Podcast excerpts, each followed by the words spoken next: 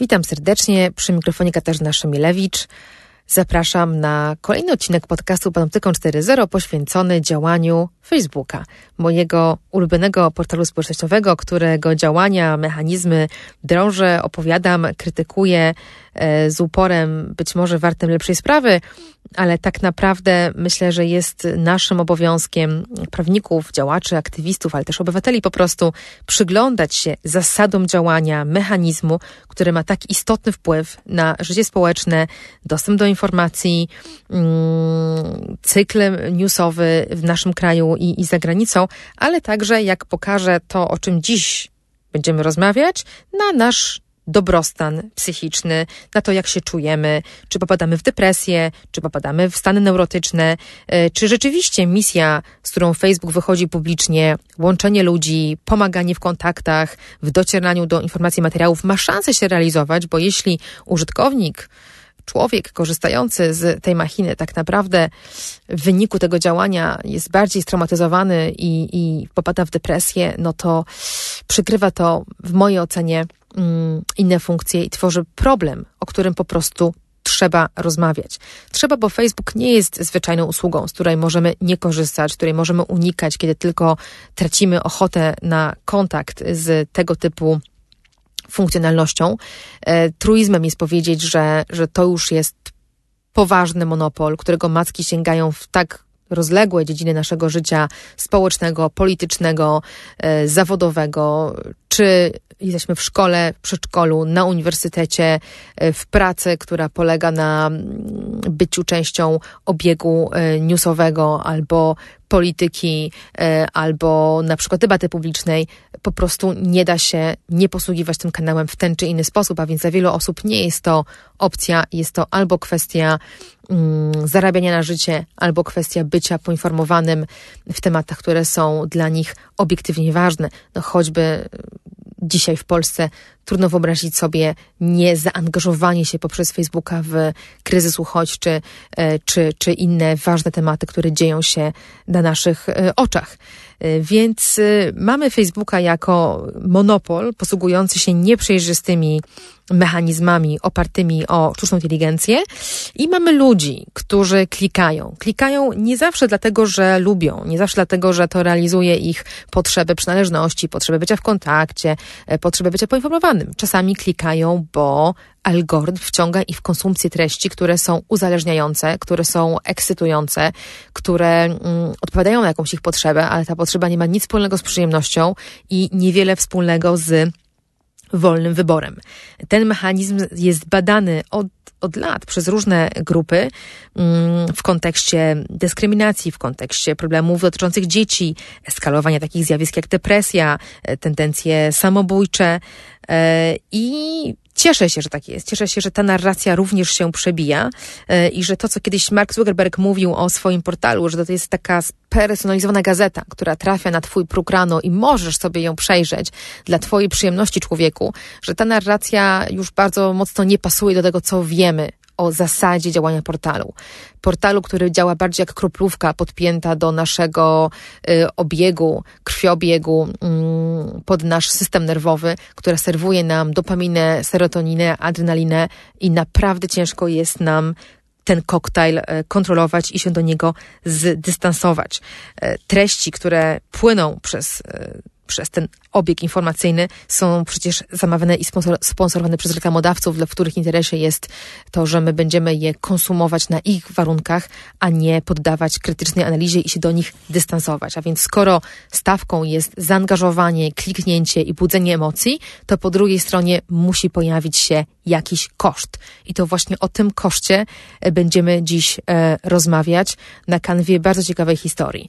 Opowie nam o niej Piotr Sapierzyński, badacz z Northeastern University w Bostonie. Piotr, który na co dzień pracuje właśnie w Stanach Zjednoczonych, zajmuje się audytowaniem algorytmów. Jak sam mówi, weryfikuje i mierzy potencjalne szkody, jakie komercyjne produkty oparte na sztucznej inteligencji mogą wyrządzić zarówno na skalę społeczną, jak i pojedynczym użytkownikom. Panoptykon 4.0 Podcast to KFM.pl i Fundacji Panoptykon. Witam cię serdecznie, Piotr. Dzień dobry, dziękuję bardzo za zaproszenie. Rozmawiamy na kanwie eksperymentu, który zaprojektowałeś wspólnie z Fundacją Panoptykon. Jego bohaterką jest młoda matka. Nazwijmy ją Joanną. Joanna jest jedną z tych osób, dla których Facebook stał się źródłem niepokoju i wyzwalaczem traumatycznych wspomnień. Zdrowie to zawsze był dla niej drażliwy temat, a pogłębiło się to od czasu, kiedy jedno z jej rodziców zmarło na raka. Kiedy zaszła w ciążę, jej obawy dotyczące zdrowia rozszerzyły się na choroby, które dotykają dzieci. Facebook bardzo trafnie ten stan zdiagnozował i wykorzystał, serwując jej dzień w dzień reklamy zbiórek na leczenie dzieci i propozycje badań w kierunku chorób, które te dzieci dotykają. No, jak możemy się spodziewać, ten koktajl z pewnością angażował naszą bohaterkę, a jednocześnie pogłębiał jej niepokój i odświeżał rodzinne traumy.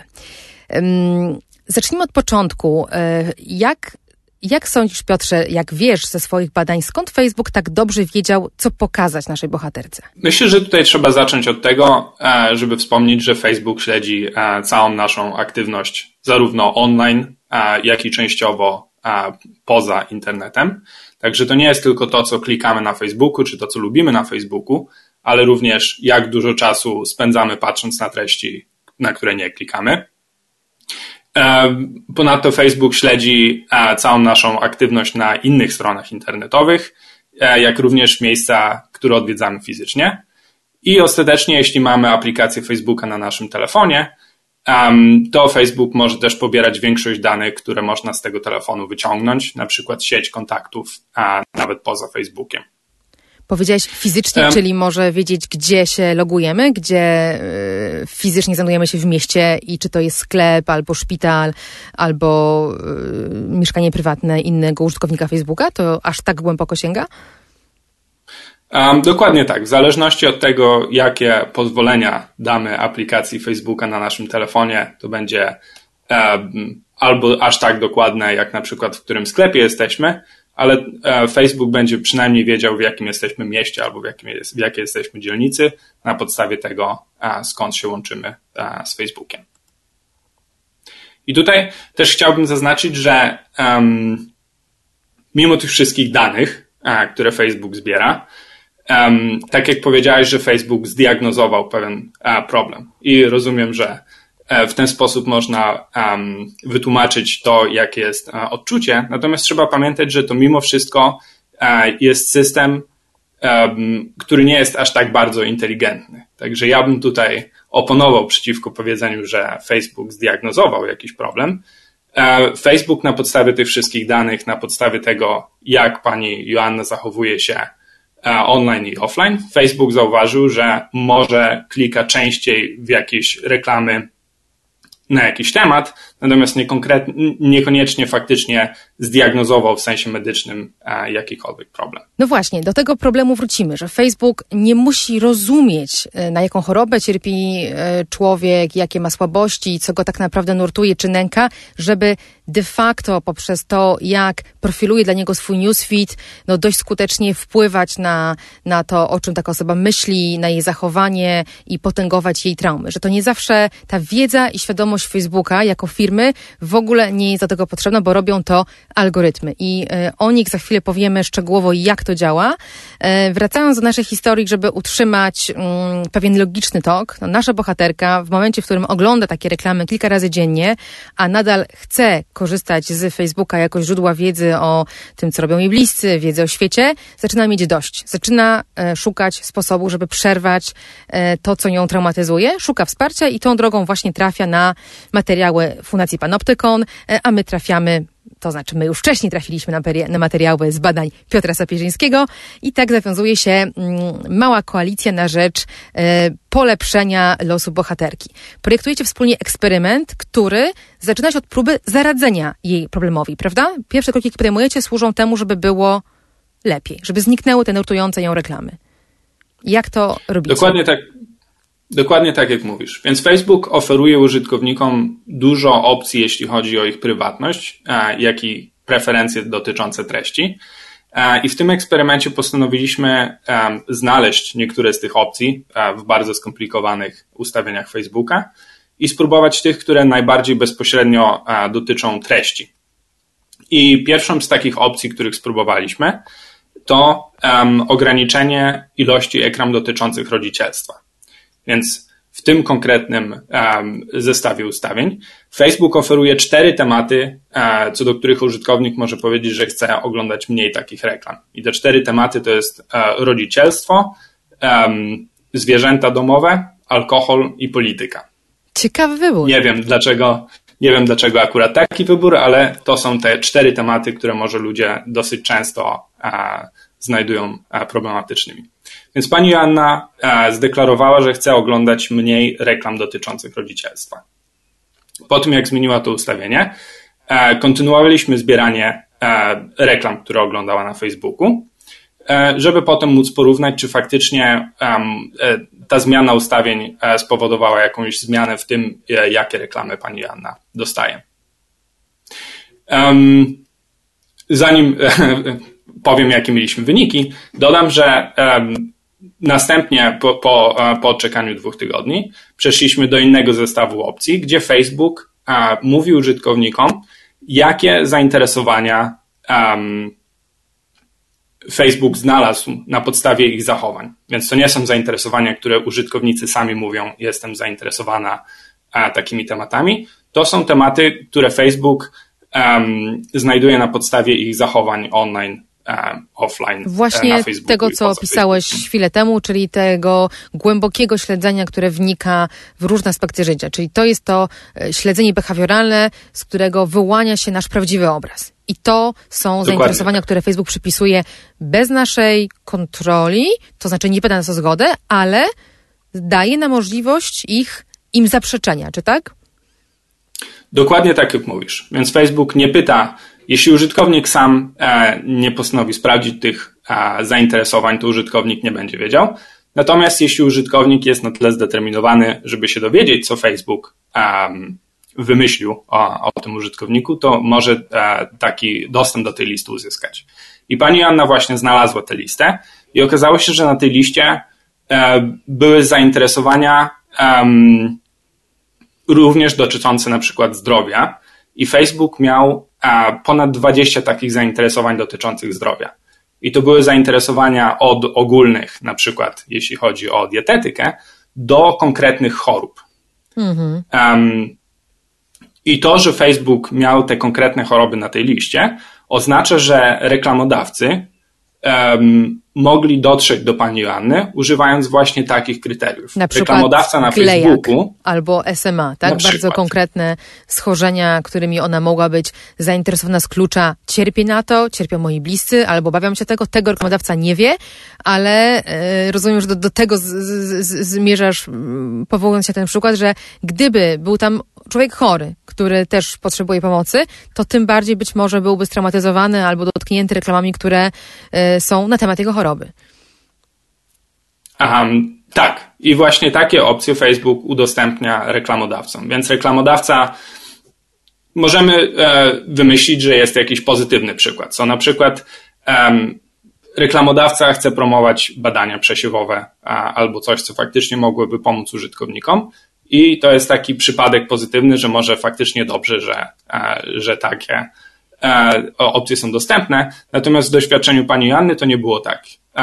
W jej doświadczeniu większość tych reklam, które dostawała, tylko zwiększała, zwiększała jej problemy i poczucie niepokoju i tak dalej, a nie ułatwiała jej dostępu do, do potrzebnych zabiegów. Więc podjęła wysiłek i odklikała te 21, o ile dobrze pamiętam, medycznych kategorii, bo to nawet trudno nazwać to zainteresowaniami, prawda? To jest ciekawe, że Facebook nazywa to zainteresowanie, czyli próbuje ubrać swoje działanie polegające na śledzeniu inwazyjnym tego, co robimy i profilowaniu nas na potrzeby, tak jak podkreślamy w tej rozmowie już któryś raz, reklamodawcy przecież, a nie użytkownika, nazywa to zainteresowaniem, gdzie tak naprawdę ja bym powiedziała, że to jest bardziej etykieta mnie jako towaru, który ląduje na aukcji reklamowej albo jakiegoś produktu, który jest opakowany dla kupującego moją uwagę reklamodawcy. Nie ma to nic wspólnego z tym, co mnie interesuje, bo myślę, że e, Joannę z naszego eksperymentu interesowałoby prędzej na przykład, jak pozbyć się niepokoju, który czuję, albo jak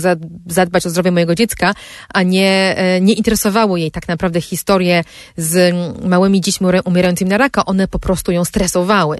I w wyniku tego, że ją stresowały, ona na nie klikała. Więc nazywanie w ogóle tego zainteresowaniem jest już gdzieś, e, wydaje mi się, symptomatyczne dla tej zdrady, jaką, jaką dokonuje Facebook, wystawiając nas na pastwę reklamodawcy. No dobrze, ale w takim razie co przyniosły, jakie efekty przyniosły próby pozbycia się tych tagów, tych etykiet? Um, także po próbie um, odklikania, pozbycia się tych wszystkich uh, etykiet, um, kontynuowaliśmy nasze zbieranie reklam, żeby zobaczyć, co faktycznie się zmienia, jeśli chodzi o treść reklam, które pani Joanna dostaje. I po kilku tygodniach obserwacji stwierdziliśmy, że tych zmian jest tak naprawdę bardzo niewiele. E, cały czas pani Joanna dostawała e, dużą część reklam dotyczących rodzicielstwa, ta część reklam trochę się zmniejszyła w, e, w porównaniu do, do początku naszego eksperymentu, przed zmianą jakichkolwiek ustawień. Natomiast jeśli chodzi o ilość reklam dotyczących zdrowia, a w szczególności jeśli chodzi o reklamy dotyczące zdrowia dzieci, to te liczby nie zmieniły się prawie wcale. Dlaczego? I um, jest kilka powodów, dla których tak się wydarzyło. E, pierwszym, najbardziej um, oczywistym, chociaż może problematycznym powodem jest to, że po tym jak pani Joanna odklikała te 21 zainteresowań dotyczących zdrowia, Facebook znalazł kolejne etykiety, które przypisał pani Joannie niemal natychmiast po tym, jak zmieniła ustawienia. I to były etykiety dotyczące um, oddziału intensywnej terapii i inne etykiety związane ze zdrowiem. Czyli zamiast choroby pojawił się na przykład sprzęt używany do jej diagnozowania. Rezonans magnetyczny zamiast glejaka. Coś takiego. Dokładnie tak. Więc treść tych reklam e, nie zmieniła się wcale, natomiast e, zmieniły się nieco parametry, e, których reklamodawcy mogą używać, żeby dotrzeć do pani Joanny. Tutaj trzeba zaznaczyć, że po tym jak pani Joanna odklikała te 21 kategorii, faktycznie nie dostała już żadnej reklamy, która była um, targetowana przez reklamodawcę, dotyczą, używając tych etykiet. Więc Facebook może powiedzieć, że ta zmiana faktycznie zadziałała. Mhm. Natomiast e, jej doświadczenie nie zmieniło się prawie wcale. To w takim razie wytłumacz jeszcze proszę, bo to może nie być oczywiste dla, dla słuchających nas, y, jak ma się decyzja reklamodawcy do tego, co robi Facebook. To są dwa etapy, prawda? Na pierwszym to Facebook, y, to Facebook słucha reklamodawcy i podąża za jego wyborami, a potem dzieje się jakaś wewnętrzna magia w, w algorytmach y, platformy ale jak te etapy dokładnie działają? I właśnie próbą odpowiedzi na to pytanie e, zajmuję się od kilku lat e, i na tym oparty jest, e, oparta jest większość moich badań, więc odpowiedź jest nieco długa, ale postaram się streścić. Więc tak jak wspomniałaś, są dwa etapy. W pierwszym etapie reklamodawca opisuje swoją grupę docelową, na przykład przy użyciu tych etykiet, o których właśnie mówiliśmy.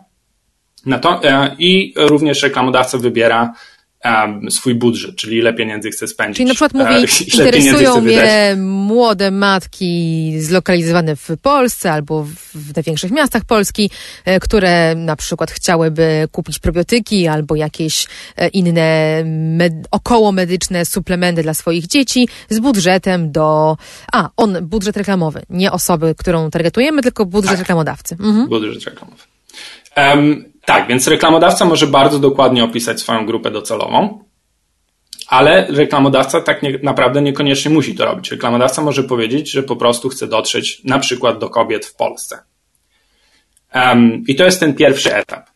W drugim etapie Facebook musi zdecydować, kto konkretnie spośród tej grupy docelowej tę reklamę zobaczy. Dlatego taka decyzja musi być podjęta, bo zazwyczaj ten budżet, który reklamodawca ma, nie wystarcza, żeby dotrzeć do wszystkich osób w tej grupie docelowej. I ten problem jest szczególnie jasny, jak na przykład reklamodawca reklam, próbuje dotrzeć do kobiet ogólnie. Jasne, czyli gdyby to miało się wydarzyć, to mhm. musiałby mieć, nie wiem, milion złotych, a on ma akurat 10 e, tysięcy, więc wiadomo, że zamiast pokazywać reklamę na Facebooku milionom kobiet, to zobaczy ją efektywnie tysiąc. I to Facebook musi wybrać, który tysiąc najprędzej kliknie, prawda? Z największym prawdopodobieństwem zareaguje na reklamy. To jest to, czego szuka Facebook. Um, tak, czyli Facebook z jednej strony albo musi znaleźć osoby, które najpewniej klikną na tę reklamę, albo chociaż, nawet jeśli nie klikną na tę reklamę, to chociaż nie będą a, zniechęceni do oglądania Facebooka dalej, jak zobaczą taką reklamę. I teraz um, ten model teoretycznie um, działa całkiem nieźle, jeśli chodzi o sprzedawanie produktów. Jak próbujemy sprzedać, na przykład, jak reklamodawca reklamuje materac albo sukienkę, albo jakiś inny produkt, to oczywiście e, chcę pokazać tę reklamę tylko osobom, które e, ewentualnie byłyby zainteresowane kupnem takiego produktu. Ze strony użytkownika można mówić, że to też jest jakby, jakby fun dobra funkcjonalność, dlatego że użytkownik nie musi oglądać treści, które są zupełnie dla takiego użytkownika nieinteresujące. E, natomiast właśnie jeśli Natomiast wiemy na przykład z naszego eksperymentu, że duża e, część tych treści to nie są reklamy produktów, które po prostu zwyczajnych produktów, które się kupuje. E, dużo reklam dotyczy zdrowia, dużo reklam dotyczy sprzętu medycznego, tak jak powiedziałeś, czy nawet zbiórek pieniędzy na jakieś konkretne problemy. Czy, jak rozumiem, tematyki politycznej, o której było głośno za sprawą skandalu z Cambridge Analytica, od którego to zaczęło się y, zresztą takie masowe grzebanie w bebekach Facebooka, bo pokazał Facebook realnie na czym polega jego władza i jak ona jest y, niebezpieczna. Y, proszę tylko powiedz jeszcze, bo to mnie ciekawi, czy ta reklama zwykle jest jako reklama opisywana, czy może też być tak, że um, człowiek na Facebooku widzi post albo informację i gdzieś tam ma informację, że to jest sponsorowane, ale to nawet w ogóle nie wygląda jak reklama. Może też być tak, że ja widzę, mm, Joanna na przykład widzi artykuł, który dotyczy badań przesiewowych jako, jako, nie wiem, formy edukacji i to też jest e, taki właśnie taka, taka treść, za którą ktoś płaci, czy to zwykle jednak jest reklama, reklama? Um, Większość reklam, które wyświetla się na Facebooku, a, e, znajduje się bezpośrednio w newsfeedzie i wyglądają podobnie do postów od naszych znajomych czy od stron, które, którymi się interesujemy. Natomiast jeśli dobrze rozumiem, to e, prawnie Facebook jest zobowiązany napisać, że jest to treść sponsorowana, niezależnie od tego, czy to jest zwyczajna reklama, czy po prostu ktoś zapłacił, żeby promować swój, e, swój post. Pytam o to um, dlatego, że, natomiast tak. Mhm. że, że mogę sobie wyobrazić, że ktoś mniej wprawny w tym cyfrowym świecie, mniej zorientowany, e, przeglądając newsfeed y, i widząc na przykład dużo treści dotyczących, nie wiem, alkoholu, a sam ma problem z alkoholem, albo dzieci, a sam ma czy na przykład stara się o dziecko, czy ma dzieci, które chorują, albo obawia się czegoś dotyczącego dzieci, e, może mieć poczucie, że cały świat gada na tematy, które są dla niego drażliwe i wkręcać się w taką spiralę konsumowania tych treści, nawet nie myśląc, że to jest reklama, prawda? Że to nie musi być, e, ten przekaz nie jest tak odizolowany, jak, jak mogłoby nam się wydawać, kiedy posługujemy się hasłem reklama. Dlatego o tym mówię, żeby nie zostawić wątpliwości, że to nie jest tak łatwo rozróżnialne na pierwszy rzut oka. Przynajmniej dla mnie by nie było. No, co do tego nie wiem. Wydaje mi się, że jest to prawnie regulowane. Wydaje mi się, że również w gazetach papierowych czasem mogą być problemy z rozróżnieniem tego. Um, oczywiście z punktu widzenia reklamodawcy i, i platformy, czy jest to papierowa gazeta, czy jest to Facebook, oni próbują ukryć ten fakt, że to jest reklama jak najbardziej. Natomiast na szczęście jest jakaś prawna regulacja, która zobowiązuje platformę do tego, żeby zaznaczyć, że to jest treść sponsorowana.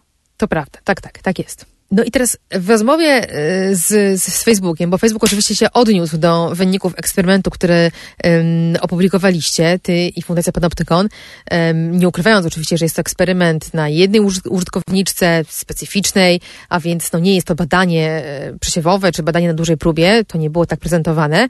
Odpowiedź Facebooka, który oczekiwalibyśmy wszyscy jest, że to jest jednostkowy przypadek i że ta użytkowniczka nie postarała się dość, e, bo na przykład w, w, w oświadczeniu firmy pojawiło się też takie, mm, taka sugestia, że Joanna mogłaby również wyłączyć, e, cytuję, dane od partnerów i zablokować konkretnych reklamodawców i że takie działanie mogłoby dać jej stuprocentową pewność, że pewnie reklamodawcy nie będą już um, niczego jej pokazywać. Czy uważasz, że e, ta droga e, dałaby jakieś, jakieś rozwiązanie tego problemu, czy to jest po prostu odbijanie piłeczki przez korporacje, ale nie ten efekt? Wydaje mi się, że to jest znakomity przykład e, tego efektu iluzorycznej kontroli użytkownika. E, po pierwsze, e, szczerze mówiąc, ta odpowiedź Facebooka um, dostaliśmy do odpowiedź przed publikacją, więc sam postanowiłem sprawdzić, e, jak wyłączyć dane od partnerów zewnętrznych, bo szczerze mówiąc, sam nie wiedziałem. E, więc udało mi się znaleźć tę opcję. Ta opcja jest 7 kliknięć w głąb ustawień. I wyłączenie tej opcji nie wyłącza tylko niektórych reklam, wyłącza również funkcjonalność Facebooka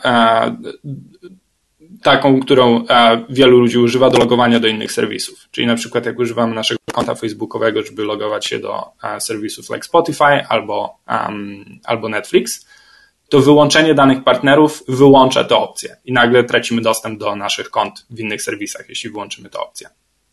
Czyli mamy, trzeba kliknąć przez 7 ustawień, czyli znowu trzeba być naprawdę zdeterminowanym, żeby tę opcję znaleźć i wyłączenie tej opcji e, nie przychodzi za darmo. To nie jest tak, że po prostu możemy to wyłączyć, płacimy e, utratą funkcjonalności, która faktycznie jest używana przez wielu użytkowników. A efekt dla e, tego konkretnego przypadku byłby jakkolwiek obiecujący, Twoim zdaniem, czy to jest kolejna ślepa uliczka? Um, no i właśnie, jeśli chodzi o wyłączanie konkretnych reklamodawców, to też jest bardzo, a, można się przestraszyć, jak się dotrze do tej listy reklamodawców. Większość tych firm, które, a, które do nas wysyłają reklamy, to nie są firmy, o których kiedykolwiek słyszeliśmy. I te dane od zewnętrznych partnerów um, pochodzą od firm, o których jako użytkownicy nigdy nie słyszeliśmy. To nie są firmy, które sprzedają jakieś produkty, to są w większości firmy, które zajmują się reklamami. I tak naprawdę ja nie wiem, która tych... z nich może reklamować, może pośredniczyć w wystawianiu mnie reklamodawcą medycznym, a która zupełnie innym. I domyślałabym się, nie wiem czy słusznie, że jeżeli wyłączę pierwsze 100, to znajdzie się kolejne 100, których nie wyłączyłam jeszcze, które również będą pośredniczyły na giełdach pomiędzy użytkownikiem zainteresowanym chorobami, w tym przypadku, bo tego się trzymamy, na tym polegał, tego dotyczył eksperyment, a e, firmami, które kupują tego typu reklamy. Um, dokładnie, więc jeśli znajdą się kolejne firmy, które oferują reklamy o podobnej treści, to Facebook na podstawie tego, co wymyślił o użytkowniku albo użytkowniczce, będzie podawał kolejnie, e, będzie podawał kolejne takie treści. No właśnie, czyli to, ta alejka byłaby zapewne bez, y, nie przyniosłaby pewnie ciekawego y, efektu, choć podkreślam, bo, bo to jest uczciwe w tej rozmowie, że, że y, Joanna jej nie testowała. Ale odchodząc teraz mhm. już, y, odsuwając się od tego konkretnego przypadku, który opisaliście z Fundacją Panoptykon w ostatnim eksperymencie, ty, jak powiedziałeś sam, badasz ten, ten problem od, od lat, a więc y, jaki obraz wyłania się z swoich badań? Czy problem, na który napotkała e, Joanna, jest również problemem innych ludzi i co o tym wiemy z badań, które ty lub inni badacze prowadziłeś wcześniej? Um, wcześniej w moich badaniach e, zajmowałem się krzywdami trochę innego typu. E, moje badania wcześniej dotyczyły e, dyskryminacji, jak również tego efektu e, bańki informacyjnej. Um, natomiast zanim opowiem o tych e, moich poprzednich badaniach, chciałbym również wspomnieć o, um, o badaniu, które niedawno zostało opublikowane w Wall Street Journal um, o e, platformie TikTok, która wprawdzie jest to inna platforma niż, e, niż Facebook, ale zasada działania jest całkiem podobna. Mianowicie używają algorytmów, które na podstawie zachowania użytkownika starają się zrozumieć, jakie treści utrzymają uwagę użytkownika przy platformie. I właśnie Wall Street Journal pokazał, że e, TikTok bardzo e, szybko e, może zacząć przykładać się do ludzi, do problemów ludzi z, z, z depresją, czy, czy problemami z, z żywieniem i tak dalej. Także ten, na pewno problem ten nie jest odosobniony, natomiast ciężko stwierdzić, jaka jest skala tego problemu, głównie za sprawą tego, że oczywiście te platformy nie publikują żadnych danych E, które, których moglibyśmy użyć do, do tego typu badań. Rozumiem, że możemy jeszcze po tym porozmawiać trochę później. Tak, tak. Natomiast jeszcze nawiązując, mhm, nawiązując. Sam w sobie. Natomiast wracając do, do moich badań, to w moich badaniach zajmowaliśmy się najpierw e, dyskryminacją. I pokazaliśmy w moich badaniach, że e, reklam że Facebook pokazuje inne reklamy, jeśli chodzi reklamy pracy kobietom i mężczyznom. Kolejne badania przy których ja wprawdzie nie pracowałem, ale niektórzy moi współautorzy pracowali, ci współautorzy pokazali, że to nie chodzi tylko o to, że na przykład jest mniej kobiet informatyków albo więcej kobiet przeszkolanek i to wszystko, i to tłumaczy tę różnicę, którą my obserwowaliśmy na Facebooku, ale ich badania pokazały, że nawet jeśli reklamuje się do ludzi, którzy mają te same umiejętności i te, tak samo nadają się do, do, do, danych, do danej pracy, Facebook cały czas utrzymuje te stereotypy.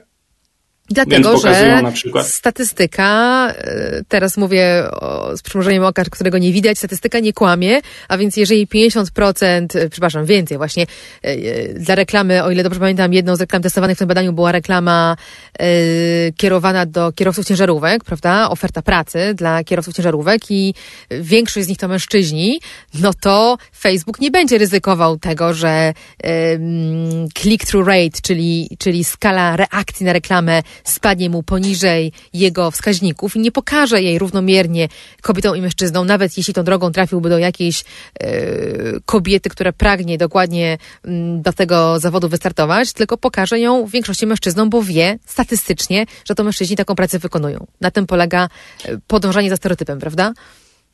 Tak, ale problem jest jeszcze gorszy, dlatego że właśnie w tym e, innym badaniu od moich e, współautorów, oni pokazali, że nawet reklamując oferty pracy dla informatyków, w zależności od tego, która firma się reklamuje, to e, będą różnie, to Facebook różnie dostarczy do, do kobiet i mężczyzn. I konkretnie w ich badaniu oni reklamowali ofertę pracy dla Netflixa jako programista i dla NVIDIA, czyli to są dwie firmy, które stereotyp, powo są może e, bardziej w kręgu zainteresowań kobiet i mężczyzn i faktycznie Facebook pokazuje, e, pokazał reklamę ofertów dla programistów w NVIDIA bardziej mężczyznom, natomiast oferty pracy dla informatyków w Netflixie bardziej kobietom. A czy może być to powiązane ze zdjęciami, jakich użył e, do promowania ofert? I to, I to też pokazują nasze poprzednie badania, i tutaj właśnie dlatego zaznaczyłem na początku rozmowy, że ja bym nie używał słów typu zdiagnozował, albo ja bym starał się nie przypisywać zbyt wiele inteligencji do tej sztucznej inteligencji. Mhm. Okazuje się, że zdjęcie, którego się użyje w reklamie, ma olbrzymi wpływ na to, kto e, tę reklamę zobaczy. Także tak się to statystycznie składa, że e, reklamy może pracy dla informatyków mają elementy takie jak klawiatura, czy monitor, czy coś takiego i dlatego Facebook decyduje pokazywać te reklamy mężczyznom. Nie chodzi tutaj faktycznie o to, kto ma jakie kwalifikacje, kto faktycznie może być informatykiem, a bardziej o taką prostą statystyczną korelację, że jeśli obrazek ma jakiś element, to mężczyźni bardzo, bardziej klikają w taki obrazek. Ale I to pokazaliśmy. Mhm. Mhm. Proszę, proszę, skończ. Mhm. To pokazaliśmy na podstawie e, naszego bardzo prostego eksperymentu, e, gdzie reklamowaliśmy e, kosmetyki i ćwiczenia do budowania mięśni na siłowni. Na początku pokazaliśmy reklamę, jeśli chodzi o programy treningowe. Facebook i, i powiedzieliśmy Facebookowi jako reklamodawca, że chcemy dotrzeć do grupy. Ta, nasza grupa docelowa była złożona w połowie z mężczyzn i w połowie z kobiet. I mimo, że mieliśmy takie kryteria a, targetowania, to Facebook dostarczył reklamę o programach treningowych głównie e, mężczyznom, e, natomiast reklamę o e, makijażu głównie kobietom. Czyli poprawił, Natomiast poprawił egzamin... Was jako reklamodawcę, co wydaje się szczególnie ciekawe w tej relacji Facebook-reklamodawca, która jest prezentowana no, jako relacja partnerska, że to właśnie reklamodawca jest klientem, no w końcu to on płaci, to on utrzymuje portal i to bardzo często reklamodawcą podpiera się Facebook mówiąc, że z czegoś tam nie może zrezygnować, po czym praktyka pokazuje, wasze eksperymenty pokazują, że kiedy się postawimy w budach reklamodawcy, zapłacimy przecież realne pieniądze za, za tę reklamę, bo tak było w tym przypadku, to i tak możemy się potem zdziwić, że Facebook poprawi nasze myślenie o naszej grupie docelowej powie nie, nie, nie, wcale nie 50-50. Tak naprawdę głównie faceci albo głównie kobiety. Tak, to się wszystko zgadza, tylko żeby dodać o tym, jak a, prosta jest ta sztuczna inteligencja, ten eksperyment e, kontynuowaliśmy w taki sposób, że zamieniliśmy obrazki. I teraz a, nasza reklama o makijażu cały czas po kliknięciu kierowało użytkownika na stronę o makijażu. Opis reklamy cały czas było makijażu, ale użyliśmy tego zdjęcia z, z siłowni i w drugą stronę użyliśmy zdjęcia makijażu, żeby reklamować treści o siłowni i teraz treści o siłowni trafiły głównie do kobiet, a treści o makijażu trafiły głównie do mężczyzn, tylko dlatego, że zamieniliśmy obrazki. Hmm, rozumiem. Więc, mhm. Czyli w sumie można powiedzieć, że Facebook też e, naiwnie daje się złapać na, na, na, tak, na, na, na taką, taka, taka pułapka okazuje się skuteczna, co pokazuje, że, że targetowanie nie ma tego, tej głębszej analizy, e, tylko jest robione na podstawie naj, najprostszych sygnałów wizualnych, też pewnie dlatego, że one mają największą nośność w sieci i że najczęściej jednak taki racjonalny reklamodawca no wybierze zdjęcie, które oddaje charakter reklamy, a więc najczęściej Facebook tak jednak trafi, e, trafi do celu.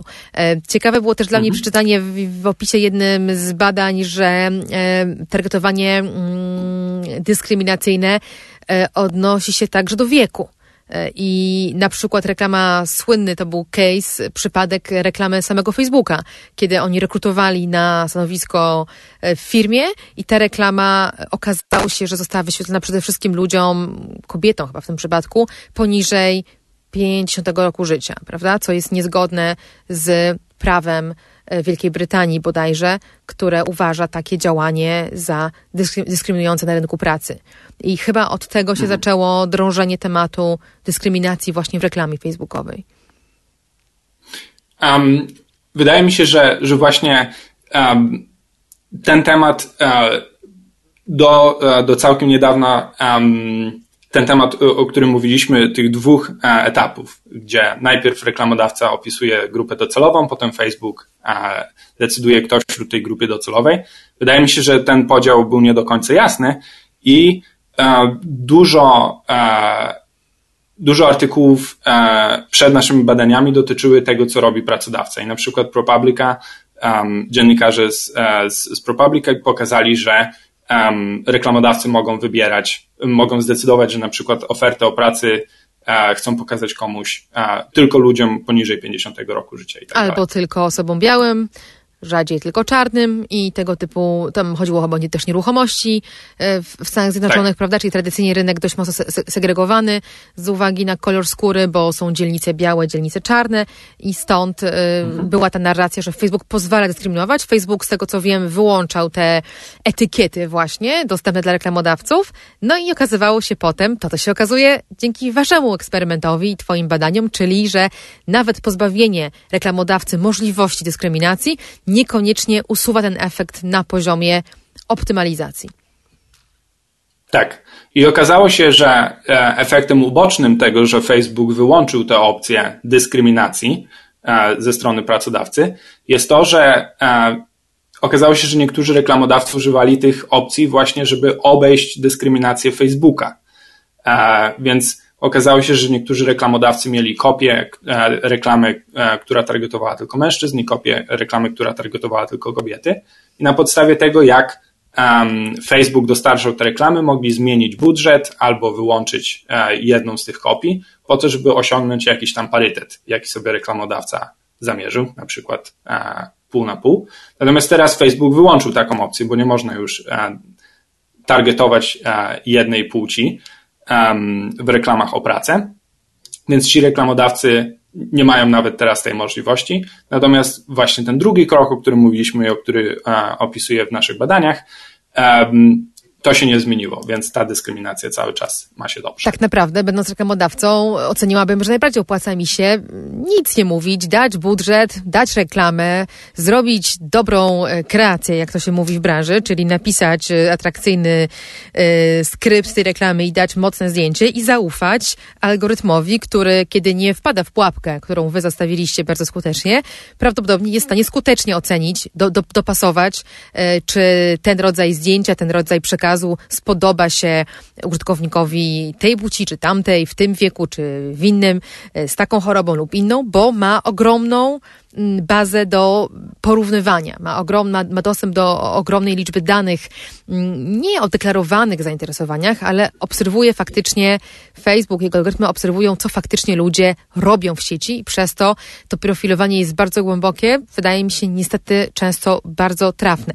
No i teraz pytanie dla mnie najważniejsze w tej rozmowie, to jest, czy da się z tego wybrnąć? Czy potrafisz sobie wyobrazić Facebooka, który zaczyna słuchać użytkownika, który w konfrontacji z taką Joanną, bohaterką waszego eksperymentu, przejmuje się jej opowieścią i mówi, no w sumie Joanna, rozumiem twoją frustrację, nie chciałabyś być targetowana tymi reklamami, które powodują, że się robisz bardziej nerwowa, smutna i straumatyzowana, pomożemy ci. Proszę bardzo, masz tutaj trzy kontrolki, yy, pogadaj z naszym algorytmem, powiedz mu, czego tak naprawdę pragniesz i twoje user experience, to które powoduje, po, powołuje się zawsze Facebook, obiecując, że to, co robi, robi dla użytkowników, będzie rzeczywiście pełniejsze, milsze, przyjemniejsze. Czy, czy teraz trywializuję, ale próbuję pokazać scenariusz, który, o którym być może wielu słuchających nas y, myśli. Czy może taki Facebook się y, w ogóle, czy może zadziałać? Czy możemy sobie wyobrazić drogę w tym kierunku, czy jednak to model biznesowy mm, oparty na reklamie i giełdach reklamy, które działają cały czas w tle, wyklucza tego typu kontrolę? Jak ty to widzisz? Um, Rozumiem, że to jest tylko eksperyment myślowy, ale to, czego mi brakuje w tym eksperymencie myślowym, to jakby motywacja dla Facebooka. Co skłoniłoby Facebooka, żeby faktycznie e, dać użytkownikom kontrolę, która um, która ma wpływ na to, jakie jest to doświadczenie Mogę sobie wyobrazić, że można... chodzi o PR, że na przykład chodzi o odebranie oręża grupom, które atakują firmę, że chodzi o to, żeby wyprzedzić regulację prawną, która nadchodzi, e, nadchodzi dużymi krokami, bo szykuje się w Unii Europejskiej potężna reforma dotycząca platform, w tym szczególnie największych platform zwanych gatekeeperami e, i będzie tam kilka słów o reklamie, więc mogę sobie wyobrazić, że nie rezygnując z modelu, w którym to Facebook kontroluje dane obserwuje, profiluje i wystawia nas na giełdach, pojawiają się, pojawia się intencja, żeby wykluczyć z tej gry rzeczy najbardziej wrażliwe. Nawet tak jak mówiłeś sam, że te takie cztery duże kategorie pojawiły się gdzieś tam w ustawieniach reklam, polityka, tak, zdrowie, rzeczy, które ludzie standardowo uważają za wrażliwe. Więc gdyby Facebook nawet chciał na etapie optymalizacji ochronić jakieś takie najwrażliwsze elementy, żeby nie pakować się za chwilę w tarapaty e, PR-owe i, i nie powodować e, rzeczywiście traumy u ludzi bez, bez ważnego powodu, bo może zarabiać przecież cały czas na innych aspektach e, ich życia i, i, i be, nie będzie za to krytykowany, to czy to jest technicznie możliwe? Takie zapanowanie nad algorytmem, żeby on robił to, co będzie win-win, optymalne dla wszystkich, a nie tylko dla reklamodawcy. Um, być może ja mam wyjątkowo tutaj negatywne e, podejście, jeśli chodzi o platformy i e, o korporacje oparte o, o zysk reklamowy. Natomiast wydaje mi się, że byłoby to um, bardzo trudne, e, dopóki te platformy faktycznie nie uznają, że to, co się dzieje, jest krzywdzące. I z naszego doświadczenia przez ostatnie lata, wszystkie katastrofy PR-owe Facebook wychodzi z nich obronną ręką i jest ich co tydzień, jest e, jakaś inna katastrofa PR-owa, wartość Facebooka tylko rośnie. Wydaje mi się, że są tylko dwie drogi, e, które faktycznie mogą doprowadzić do tego, e, żeby ta sytuacja się zmieniła. Jedna z tych dróg, to tak jak wspomniałaś, to jest bardzo silne obostrzenie prawa i zmuszenie Facebooka do tego, żeby zmniejszyć swoje dochody, a e, ze sprawą zmniejszania dochodów e, może e, polepszyć sytuację poszczególnych użytkowników. Natomiast oczywiście, jeśli Facebook nie zostanie do tego zmuszony, to, to ta zmiana nie nastąpi. Natomiast druga droga, wydaje mi się, że są głosy, które są coraz głośniejsze, że cały model biznesowy oparty na personalizowanych reklamach E, jest bańką, która w którymś momencie musi pęknąć. Jest e, książka, która wyszła w tym roku e, Tima Huanga o kryzysie uwagi, gdzie on właśnie argumentuje, że kryzys, który teraz powstaje, jest blisko związany z kryzysem kredytowym z 2008 roku, gdzie pieniądze są pompowane w jakiś system oparty na na przekonaniu, że faktycznie ten system działa.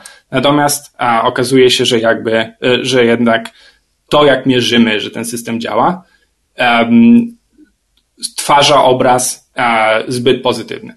I wydaje mi się, że trzeba pamiętać też o tym, że mimo tego, że w Facebooku czy w Google pracuje, pracują tysiące bardzo mądrych inżynierów i naukowców i ci bardzo mądrzy ludzie zajmują się budowaniem tych systemów, jeśli spojrzymy na dane o tym, jak te reklamy są klikane, to mniej niż jedna na sto faktycznie jest klikana. Wiemy, że część z tych kliknięć będzie przypadkowa, bo ludzie e, oglądają te reklamy na smartfonie i czasem klikają mimo, że nie chcieli. Jest duża część e, botów, które klika w reklamy i to nie są faktycznie ludzie, e, którzy w te reklamy klikają. I ostatecznie wydaje mi się, że ta optymalizacja również mimo tego, co mówiliśmy, o czym mówiliśmy do tej pory, może sprawić, że ten system działa gorzej. Mianowicie, jeśli ja sprzedaję jakiś produkt i Facebook pokazuje moją reklamę ludziom, a, którzy według Facebooka są najbardziej zainteresowani tym produktem, to ja jako reklamodawca nie wiem, czy ta, czy ta osoba e, kupiła ten produkt, bo oglądała reklamę, czy kupiłaby ten produkt nawet bez oglądania reklamy. I teraz z moich danych ja widzę, że Facebook pokazuje te reklamy ludziom, którzy klikają i potem kupują produkty, natomiast nie wiem, czy nie byłbym w stanie sprzedać tego produktu, nawet nie wydając pieniędzy na reklamę. Być może moje pieniądze są marnowane na ludzi, którzy kupiliby to a, tak czy inaczej. Więc wydaje mi się, że um, nie wiem tego i nie znam się specjalnie na biznesie, także to wszystko należy traktować e, z odrobiną dystansu. Natomiast wydaje mi się, że możliwym, e, możliwym kierunkiem rozwoju jest to, że zdamy sobie z tego sprawę, że e, nasza wiara w ten model biznesowy i w to, że te reklamy faktycznie działają, jest przesadzona i jak zdamy sobie z tego sprawę, to będziemy musieli od tego modelu odchodzić. I mam nadzieję, że nie doprowadzi to do kolejnego kryzysu. Ciekawi mnie, czy, czy, czy zgodziłbyś się też z taką, z taką tezą, że ten sam mechanizm, który krytykujesz a propos reklamy targetowanej, on na Facebooku jest wpięty głębiej, bo on również e, odpowiada za to, jakie treści w newsfeedzie w ogóle są nam wyrzucane i że osoba taka jak Joanna, która, y, którą traumatyzują treści dotyczące zdrowia, a jednocześnie nie potrafi oprzeć się kliknięciu na nie, bo wynika to właśnie z jej e, stanów lękowych i, i, i w tym aspekcie słabej e, psychiki, e, byłaby narażona nadal na podobny efekt w niesponsorowanym newsfeedzie. Po prostu algorytmy, które na Facebooku mają odpowiadać za utrzymanie jej uwagi, za utrzymanie jej aktywności na portalu, nadal podsuwałyby jej tego typu treści, tylko niesponsorowane. I że tak na to patrząc, tak długo jak istotą działania portalu jest eskalowanie naszej obecności, aktywności, zaangażowania bez względu na inne wartości, bez względu na nasze samopoczucie na przykład i na to, czego tak naprawdę chcemy, to ta pułapka zawsze gdzieś tam będzie spod spodu wyłaziła. I kontrola nad, nad algorytmem tego nie zmieni o tyle, że sensem jego działania jest właśnie ów engagement, owo zaangażowanie. Zgadzam się z tym i, i jest ten też ciekawy element na Facebooku teraz, że są treści polecane, czyli właśnie treści, które Facebook e, wrzuca nam do newsfeeda od twórców, których my nie polubiliśmy na Facebooku. I są to też, to, to są właśnie treści niesponsorowane, czyli ktoś tam na Facebooku wrzuca jakieś filmy, czy wrzuca jakieś inne treści. I mimo, że my tej osoby nie polubiliśmy, ani nie jesteśmy znajomymi z tą osobą, to Facebook e, cały czas to umieszcza w newsfeedzie. I to są właśnie te rzeczy, które Facebook wie, że utrzyma, utrzymają naszą uwagę, mimo że nikt Facebookowi za to nie płaci. Facebook zarabia w ten sposób, że po tym, jak już nasza uwaga jest utrzymana przez te treści, które są dla nas interesujące, to jeszcze Facebook może nam rzucić kilka dodatkowych reklam. Natomiast, i, i też zgadzam się jakby, tak, to e, dużo o tym mówiliśmy w kontekście eksperymentu z panoptykonem, że właśnie e, ten engagement e, jest źródłem problemu. Natomiast problemem jest to, że jakby jedyna alternatywa, która jest teraz popularna w internecie, to jest model subskrypcji, czyli tak jak na przykład w Netflixie, płacimy co miesiąc, nie oglądamy reklam i jakby dla Netflixa już nie jest ważne to, żebyśmy cały czas oglądali seriale. Netflix musi tylko nam dostarczyć tyle treści, żebyśmy się nie chcieli wypisać, tylko żebyśmy płacili co miesiąc, ile tam Netflix kosztuje. I i to jest, to jest ich miara tego zaangażowania, engagement, czyli ilu użytkowników e, nie wypisze się z serwisu. I oczywiście to jakby częściowo rozwiązuje problem reklam, nie rozwiązuje problemu treści, które są e, podsuwane użytkownikowi, bo oczywiście Netflix też e, poleca nam treści na podstawie naszych zainteresowań. No i nie rozwiązuje tego problemu, że jednak dostęp do Netflixa mają tylko ci, którzy są w stanie zapłacić za to. No to Jakby prawda. nasze podejście do internetu przez lata było to, że ta informacja jest dostępna za darmo. Myślę tak, że to był gdzieś, gdzieś błąd w założeniu e, tego ekosystemu internetowego. On miał być e, otwarty, miał być oparty na równym dostępie, miał być niekomercyjny w założeniu, po czym szybko wyleźli spod spodu reklamodawcy jako ci, na których barkach i budżetach to wszystko stoi. Więc to było jakieś największe kłamstwo dla użytkowników, dla ludzi, którzy byli wpuszczani do sieci dwie dekady temu, kiedy to się jeszcze wszystko jakoś w miarę e, kształtowało. Niby wiedzieliśmy z neoliberalnych narracji, które dominowały wtedy, że nie ma lunchu za darmo, a jednak daliśmy się zwabić na darmowy lunch, za który zapłacił ten, kto kupuje naszą uwagę. I teraz brutalnie jesteśmy budzeni z tego snu, z tego złudzenia. Do tego zmierzam, że to zawsze było złudzenie. Tam nigdy nie było e, takiej prawdziwej usługi, prawda? I w kontekście tego, o czym rozmawiamy dzisiaj, ja potrafię sobie wyobrazić trzeci model. Jestem ciekawa, jak ty się na niego zapatrujesz, czy to byłoby ciekawe, czyli model, w którym płacimy za algorytm. A więc być może nawet platforma jest darmowa, hostuje ona treści od ludzi, którzy tam wrzucają je swoją pracą, swoim czasem, a więc nikt ich nie musi sponsorować. Treści w internecie internecie jest dość, naprawdę. Tego jednego mamy dość, ale ja kupuję nie subskrypcję na Netflixie, który za tę subskrypcję zleca drogie i swoją drogą całkiem dobre produkcje, tylko kupuję być może za dużo mniejsze pieniądze sam algorytm, który działa w moim interesie, który ja trenuję swoimi e, kliknięciami i który słucha moich wyborów. I on nie jest motywowany zyskami reklamodawcy, tylko jest motywowany no właśnie tym, jakie są moje autentyczne zainteresowania, a nie tagi przypisywane mi przez śledzący mnie um, skrypt. Um, jeśli zapytałabyś mnie kilka lat temu o to, byłbym wielkim fanem tego pomysłu. Natomiast e, z, z, czasem doszedłem do wniosku, że jednak e, rozwiązania, które proponujemy, nie powinny zakładać, że użytkownicy faktycznie będą mieli czas, umiejętności um, i chęć do tego, żeby e, przejąć pełną kontrolę nad tym doświadczeniem. Wydaje mi się, że jednak że oczywiście pomogłoby to pewnej grupie ludzi, może takich jak ty czy ja, którzy faktycznie się interesują tym i którzy, dla których byłoby to nawet ciekawe doświadczenie, żeby trenować jakiś algorytm.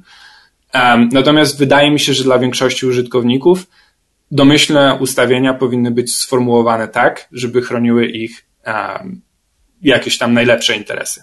Hmm. I wydaje mi się, że jeśli chodzi o zmianę ogólną taką, która faktycznie by pomogła na poziomie e, społecznym, a nie na poziomie indywidualnych użytkowników, którzy chcą się tym zająć, to jednak musimy się skupić na, e, na domyślnych ustawieniach, I na, dodatkowych opcjach. I na prawnych zakazach.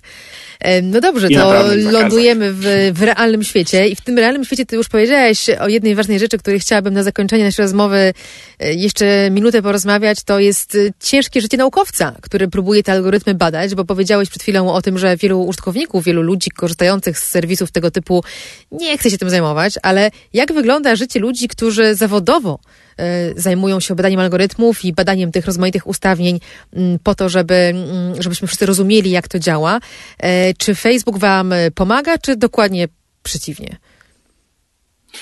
Um, więc nasze doświadczenia z Facebookiem um, nie są najlepsze. Cały czas nie są najgorsze, bo Facebook nie, nie groził nam uh, nigdy uh, sądem ani procesami, tak A, jak mógł. groził innym naukowcom.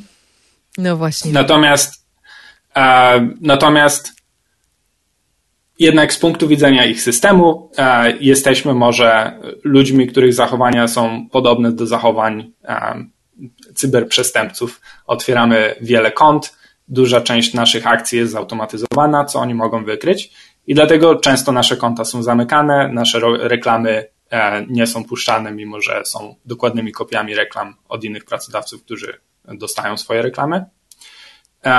Więc duża część naszej pracy, oprócz tego, że e, projektujemy te eksperymenty, żeby móc zmierzyć te ewentualne szkody, których algorytmy dokonują, to jest budowanie narzędzi e, do, tego, do, do tych pomiarów. I to jest niekończąca się walka z, z platformami, bo za każdym razem, jak zbudujemy jakieś nowe narzędzie, Oczywiście wtedy platformy zmieniają to, w jaki sposób działają, żeby nam utrudnić używanie tego narzędzia. I tłumaczą to najczęściej to... cyberbezpieczeństwem, prawda? Ja pamiętam taką rozmowę z czasu, kiedy E, Fundacja Panoptykon prowadziła badanie reklam politycznych w czasie wyborów i również zależało nam na zebraniu e, autentycznych reklam i danych, które wolontarystycznie nam przekazywali z własnej woli e, użytkownicy biorący udział w badaniu i również nasza wtyczka została wtedy zablokowana. Mm, nie wiem, czy pod pretekstem, czy autentycznie chodziło o to, że no właśnie Facebook musi się zabezpieczać przed rozmaitymi trollami, botami, innymi automatami i bardzo szybko podpiął ten nasz system pod, ten, pod to samo zagrożenie, mimo że my się przedstawialiśmy, to było jawne działanie i dziwiło nas w sumie, że nie ma takiej ścieżki, e, którą mógłby się zgłosić badacz i powiedzieć, halo, halo, tu Uniwersytet Northeastern, albo Fundacja Panoptykon, albo NYU, bo tego typu instytucje były blokowane przez Facebooka i, i to im grożono procesami. E, my robimy coś w imię nauki, pomóżcie nam, albo pozwólcie nam działać, prawda? Nie ma takiej ścieżki. Są programy, które platformy oferują właśnie po to, żeby udostępnić dane naukowcom. E, natomiast te platformy nie są bardzo popularne z dwóch powodów. E, po pierwsze, dane, które udostępniają naukowcom, to są te dane, które Facebook uznał, że to są właśnie te dane, które naukowcy powinni mieć, a nie te dane, które, których naukowcy faktycznie potrzebują. Mhm. Um, po drugie, dostęp do tych programów nie jest um, ogólny, tylko trzeba faktycznie się zgłosić e, do Facebooka, wytłumaczyć, co się będzie robić i Facebook wtedy decyduje, czy takie dane można udostępnić, czy nie. I to rozumiem jest jakby cały czas zgodne z tym, co opisałaś. Natomiast jeśli chodzi o naszą historię z Facebookiem, e, wydaje mi się, że byłoby mało prawdopodobne, że Facebook chciałby e, współpracować z naszą grupą e, po tym, jak wyglądają nasze kontakty do tej pory. I mm. ostatecznie nawet w tych umowach, które trzeba podpisać, jak już faktycznie Facebook się zgodzi to, na to, żeby udostępnić dane, E, cały czas trzeba udostępnić Facebookowi możliwość e, zapoznania się z, z researchem, który się publikuje, e, zapoznania się z badaniami, które się publikuje na podstawie tych danych i Facebook cały czas ma prawo weta. Może powiedzieć, że ten konkretny artykuł nie wychodzi no, i tyle. Jakoś mnie to nie dziwi, czyli to jest taki dwór e, cesarski, na którym są koncesjonowani naukowcy, którzy mogą robić to, co cesarz, e, w czym cesarz widzi swój interes, a tam, gdzie przychodzą niezależni naukowcy i próbują dźgać e, giganta w jego podbrzusze i wycinać mu jakieś malutkie, bo przecież to nie są duże duże badania siłą rzeczy, my zawsze jesteśmy mrówką wobec tego giganta, ale udowodnić jakąś tezę, która jest niewygodna dla, dla Facebooka, to e, jesteśmy blokowani. A, a tymczasem Facebook próbuje na przykład zasłaniać się programem Data for Good, które teraz jest, widzę, mocno w sieci, w sieci e, obecny. Chodzi oczywiście o dane e, do zwalczania COVID-19, czyli ci naukowcy, którzy chcą tworzyć jakieś rozwiązania oparte o na przykład dane statystyczne z Facebooka, jakieś ankiety, które wypełniali użytkownicy, albo analizy ruchu. Na Facebooku również widziałam takie zestawy danych dotyczące tego, jak ludzie się przemieszczają, czyli takie mobility datasets pokazujące, jak działają lockdowny czy kwarantanny. No to w sumie Facebook chętnie. I ja się nie dziwię. To nie jest tak, że ja oczekuję od tej firmy, żeby sama się opodatkowała i sama otworzyła drzwi tam, gdzie jest jej niewygodnie.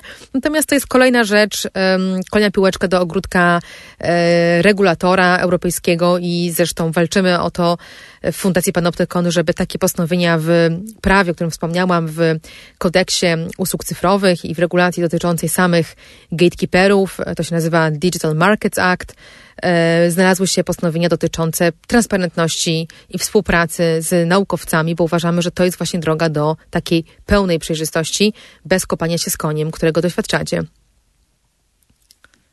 I mam nadzieję, że te zmiany przejdą. Um, tutaj ja pracuję w Stanach, więc oczywiście te regulacje niekoniecznie będą mnie dotyczyć, natomiast tutaj też są pewne zmiany, które się dokonują. Na przykład a, dopiero w zeszłym roku zdecydowano, że te wszystkie badania, które prowadzimy, nie są przestępstwem. I ta interpretacja przepisu była niejasna do marca zeszłego roku. Jest prawo w Stanach, które nazywa się Computer Fraud and Abuse Act z lat 80.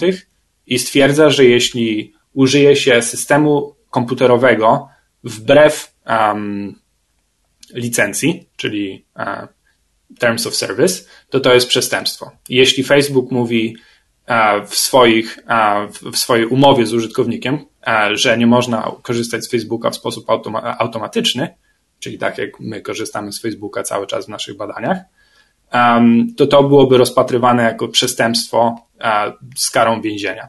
Także większość naszych badań, które prowadziliśmy do marca zeszłego roku, cały czas po prostu wychodziliśmy z założenia, że tylko z powodów PR-owych platformy nie będą próbowały nas ścigać na, na drodze sądowej. I dopiero w marcu zeszłego roku okazało się, że to jednak nie będzie możliwe, żeby, to, żeby nas ścigać. Cieszę się, że chociaż na tym wylądowaliśmy. Dziękuję Ci za Waszą pracę, która wiem, bo obserwuję ją od lat, to, to, to nie jest lekki kawałek chleba. E, ani intelektualnie, ani tak jak opisujesz, od strony operacyjnej i nawet czasem e, groźba odpowiedzialności karnej się pojawia, więc tym bardziej, e, tym bardziej dziękuję w imieniu i organizacji społecznych, i zwykłych, normalnych użytkowników, którzy dzięki temu tylko dowiadują się, jak tak naprawdę te platformy działają. Dla tych z Was, którzy nas słuchacie i myślicie, hmm, Joanna brzmi jak coś, co znam. To brzmi jak historia, której doświadczyłam, doświadczyłem. Mi też się pewne rzeczy nie podobają. Też intryguje mnie, dlaczego algorytmy tak mnie sprofilowały albo pokazują mi takie, a nie treści, które jakiś delikatny mój punkt zahaczają. Mam takie ogłoszenie od Fundacji Panoptykon, że można się zgłosić ze swoją historią. E, link do tego, jak się zgłosić, mm, wkleimy w opisie tego odcinka podcastu.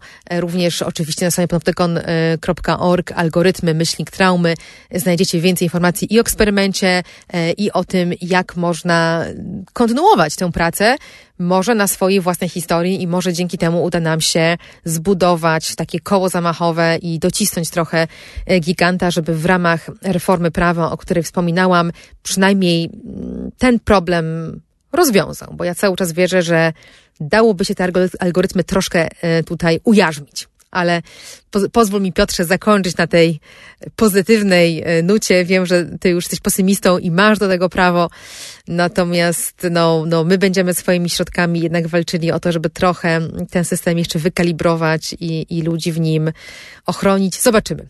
Piłka jest w grze.